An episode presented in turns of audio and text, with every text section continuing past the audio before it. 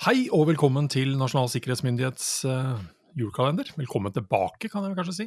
Mitt navn er Roar Thon, og jeg sitter her i vårt uh, hemmelige julestudio sammen med Jørgen Dyrhaug. Hei, Jørgen. Hei, Roar. Du, uh, jeg har jo vært her litt lenger i studio enn deg. Ja, det er kaldt her. Ja, sorry.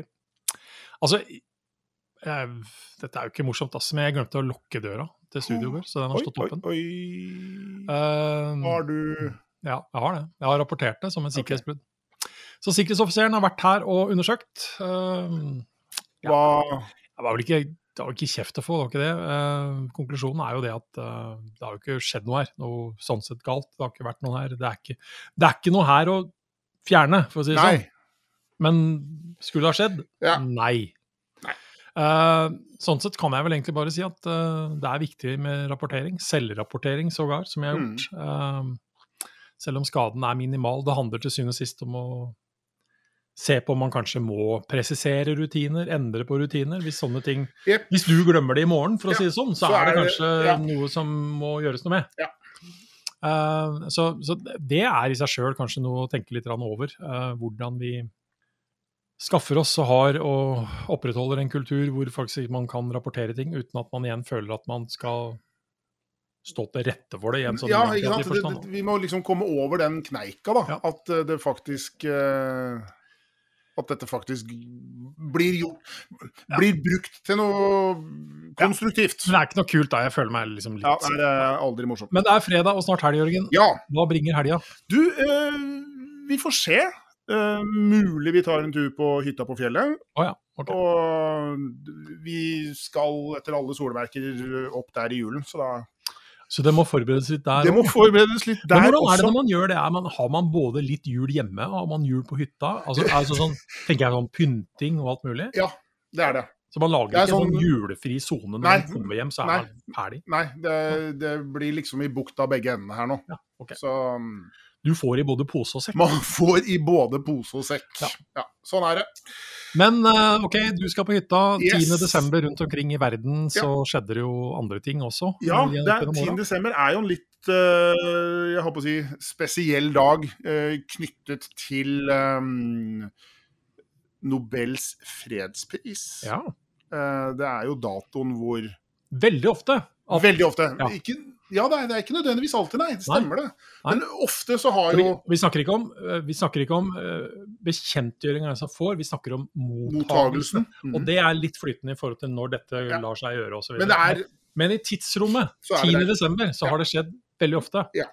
Uh, men vi kan jo starte allerede i 1903, som faktisk ikke er fredsprisen, men som allikevel syns det er verdt å nevne. Uh, for det er sånne ting man kanskje noen gang glemmer litt, når man hører om store norske forfatternavn. Men Bjørnstjerne Bjørnson mottar altså nobelprisen i litteratur uh, 10.12.1903. Mm. Men hvis vi hopper over til Nobels fredspris, da. Uh, hvis jeg starter i 1906 Theodore Roosevelt mottar Nobels fredspris. Albert Schweitzer i 53. Ja. Martin Luther King i 64. Sakharov, Andrej Sakharov i 75. Og 78 med Rachem Begin og Anwar Sadat.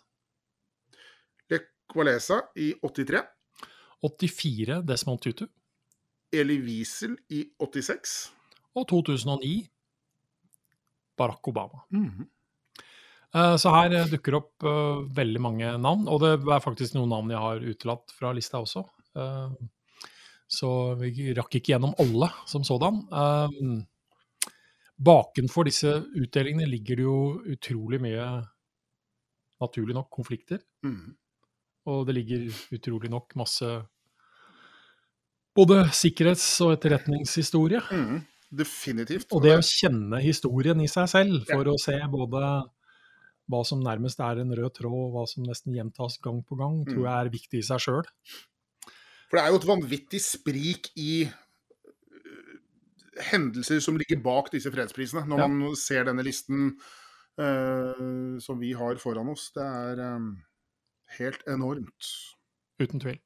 Helt enormt. Men uh, 10.12.1921 ja, julegavetipset. Ja, og her er vi heller ikke på gave. Jeg tror de aller fleste hadde blitt ganske fornærma av å fått dette som gave. Men det er nok mer et produkt, da, uh, som kanskje som er, ja. veldig desember. Og kan brukes resten av året også. Um, ja, hva er vi der? Og jeg må jo si at det, det er i hvert fall hyggelig å se at det ikke er veldig retta inn mot konkret uh, kjønn, men det er allikevel en uh, husmor på bildet. Det er en kan husmor. ikke tolkes på en annen Nei, måte. Nei, det kan ikke det. Og ordlyden er ved stor vask benytt den riktige fremgangsmåte. Og den beste måte er den letteste måte. Det mener jeg kan diskuteres ja. uh, noen ganger. Ja. Men oppnås ved bruk av Sunlight CP. Anvend rette midler til deres arbeide, eller rettere sagt til besparelse av arbeidet. Ja. Um, kreativ latskap. Kreativ latskap. Um, det er mye sikkerhetsmessig klokskap å ta ut fra ja. det. Men jeg, jeg, har registrert en ting i denne annonsen, Roar. Ja. Helt i bånn av annonsen ja. så står det 20 000 kroner i garanti for at produktet det er jo liten skrift her. For at hvert eneste stykke er rent. At hvert eneste stykke er rent? Ja. Det er ren såpe, da. Ja. Må det være snakk om. Og så trekker jeg bort alt det jeg sa om kjønn, for midt inn i teksten her så ser jeg plutselig, når jeg forstørrer han litt opp her, at Sunlight CP fremstiller til fordel for husmoren, for kun. Uh, herigjennom kan fabrikantene håpe på fortjeneste på Sunlight CP. Nå, ja. Full åpenhet om vår forretningsmodell. Ja. Uh, men dette er vel egentlig et produkt som uh, fins den, dag i dag, i hvert fall i navn. Uh, kanskje selskapet har navn. Jeg tror den finnes som blokk og flytende. Ja. Hmm. Da vet vi det. Da vet vi det. Men det er tiende. det er tiende. Vi begynner nesten sånn å nå halvveis i kalenderen. Yes. Selv om det er veldig vanskelig å se kalenderen, for den kalenderen er i safen. Og vi henter egentlig bare ut en luke fra safen. Mm, yes. Vi har henta ut, da, selv om det var litt kaldt her. Ja. Vi. vi måtte jo åpne safen nå for å se om noen hadde vært der og tukla med ting. Så fram med å åpne Fram med konvolutt. Og det er jo Oi. For å si det sånn, Jeg var mer bekymra for om luke ti var åpna enn det sikkerhetsoffiseren var når vi gikk gjennom dette sammen i stad. Ja, det ja, se her. En gammel norsk juleklassiker eh, av den litt Satiriske slaget? En satirisk julesang. Ja. Eh, innen, jeg vil kanskje si innenfor skillingsvise-sjangeren. Ja. Eh, det er jo en trist sang, men den ender jo for så vidt uh, slutt. Og det er jo klassikeren 'Julekveld i skogen'. Ja. Um, Rolf Juss Nilsen. Rolf Juss Nilsen. Uh, en fæl og trist historie. Men, Men, ja, jeg vet ikke om han blir noe penere at vi nå skal synge litt av det. Og, ja, jo. Ja, kanskje. Ja, gjør, gjør det. Den, yter jo ikke, det er jo en trist sang. Ja. Om det blir en litt trist fremføring, det får bare stå seg. Men um, ja, vi har jo ikke øvd noe særlig, Roar, så vi får jo bare se hva som skjer. Det som skjer, det skjer. Ja. Det var julekveld i skogen, fjern fra verdensståk og larm. Lå en rødmalt liten stue, heller fatterslig og arm. Men det var nok ikke julenissen, slik en skulle tro. Der i døren full av juleøl og julestemning sto. En person med pels, amerikakoffert, briller og sigar. Samt en juleklump i halsen mens han hvisket mor og far.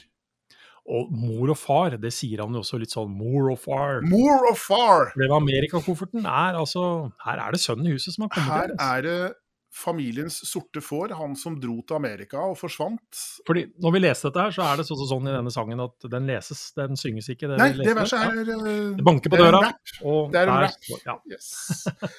Men uh, hva er det sikkerhetsrelaterte her, da? Det er, uh, da jeg uh, jobbet med dette, så, så er det jo liksom lojalitetsprinsippet, lojalitetskonseptet lojalitet, som liksom slo meg. At vi ofte er en del av noe større enn den enkelte av oss. Ja. Og um,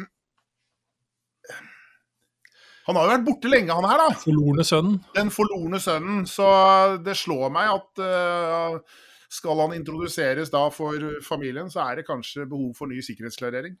Ja, i hvert fall i en sånn altså Uten at familier sikkerhetsklarerer hverandre, ja. Men, men men uten tvil, her kommer det altså en fra et lengre utenlandsopphold. Mm. Uh, hva har skjedd i mellomtida? Hva har han gjort? Uh, han har jo tydeligvis verken skrevet eller gjort noe som helst uh, til de der hjemme, før han plutselig dukker opp med I, denne Amerikakofferten. Mm, og i pels. Jepp. full av juleøl mm, også. Full av julesanger, julestemning og juleøl. Ja. Så jeg er vel enig med deg at uh, en ny vurdering av vedkommende sikkerhetsmessig skikkethet og lojalitet vil sannsynligvis være på sin plass. Er han nå norsk, eller er han amerikaner, eller hvor har, hvor han egentlig vært? Hvor har ja. vi ham? Hva har du drevet med alle disse årene? Mm.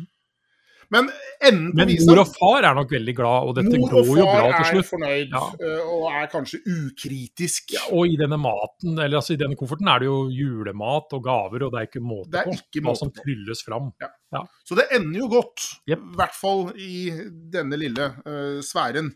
Uh, for, for, å forholde oss litt til eh, elendigheten da, i jula, uh, selv om det ender godt her, uh, så er dagens julefakta den handler om uh, noe som skjedde under første verdenskrig. det er skrevet bøker om det, det er spilt inn filmer om det. Og det er til syvende og sist om den berømte julehvilen i 1914 da tyske og britiske soldater sågar utveksla gaver og spiller fotball i ingenmannsland, som man kalte det. Altså mm. området mellom de ulike skyttergravene mm. og frontområdene. Uh, og den jule... Det er en berømt bok rundt dette her. Uh, 'Silent Night The Story of the World War One Christmas Truce'. Uh, var en, altså Julevåpenhvile var altså, Det var uoffisielt våpenhvile. foregikk i stor grad rundt omkring på vestfronten i jula 14. Uh, og før det så hadde man allerede begynt å rett og slett rope juleønsker og synge julesanger til hverandre eh, over ingenmannsland. Eh, og på julaften og første juledag så beveget altså soldater seg fra begge sider. og i et litt mindre omfang også visstnok franske soldater. Der de rett og slett mingla, delte mat, bytta suvenirer. det var felles begravelsesseremonier, allsang med julesanger, sanger, og i tillegg fotballkamper. Altså, det er jo surrealistisk. Altså, det er helt surrealistisk. Eh, men samtidig så kan man se på dette som Kall det et julemirakel. Da. Altså, mm. i, altså, oppi all denne elendigheten så skjer det noe utrolig positivt. Og det skal igjen sies, dette skjedde overhodet ikke over alle steder. Dette endte til synes som, som lokale hendelser mm. rundt omkring. Uh, og det var, ikke, det var, ikke, uvant at man hadde våpenhvile etter kamper, hvor man realiteten aksepterte at man henta sine falne og sårede fra dette ingenmannsland, og det gjorde man fra begge sider. Eh, året etter, eh, 1915, så forsøkte man igjen å arrangere våpenhvile på nytt, men ikke i det samme omfanget fra før. fordi da var det faktisk kommet strenge ordre fra overkommandoen om at fraternisering med fienden det var ikke lov. Det skulle man ikke ha nå. Eh, så ja, uh, allikevel kanskje et uh, litt, lite julemirakel, et lite glimt av håp, eh, mm. som vi kanskje alle ja, tenker kanskje litt ekstra på i, ja. i en høytid som julen tross alt er. Så jeg veit ikke, det blir liksom ikke det samme om å spørre deg om en våpenhvile og spørre om du vil ha litt mer kaffe, Jørgen. Nei, det gjør jo ikke det. Men det er et skritt i riktig retning allikevel. Absolutt. Så du skal ha mer kaffe? Ja, er halv kopp, da.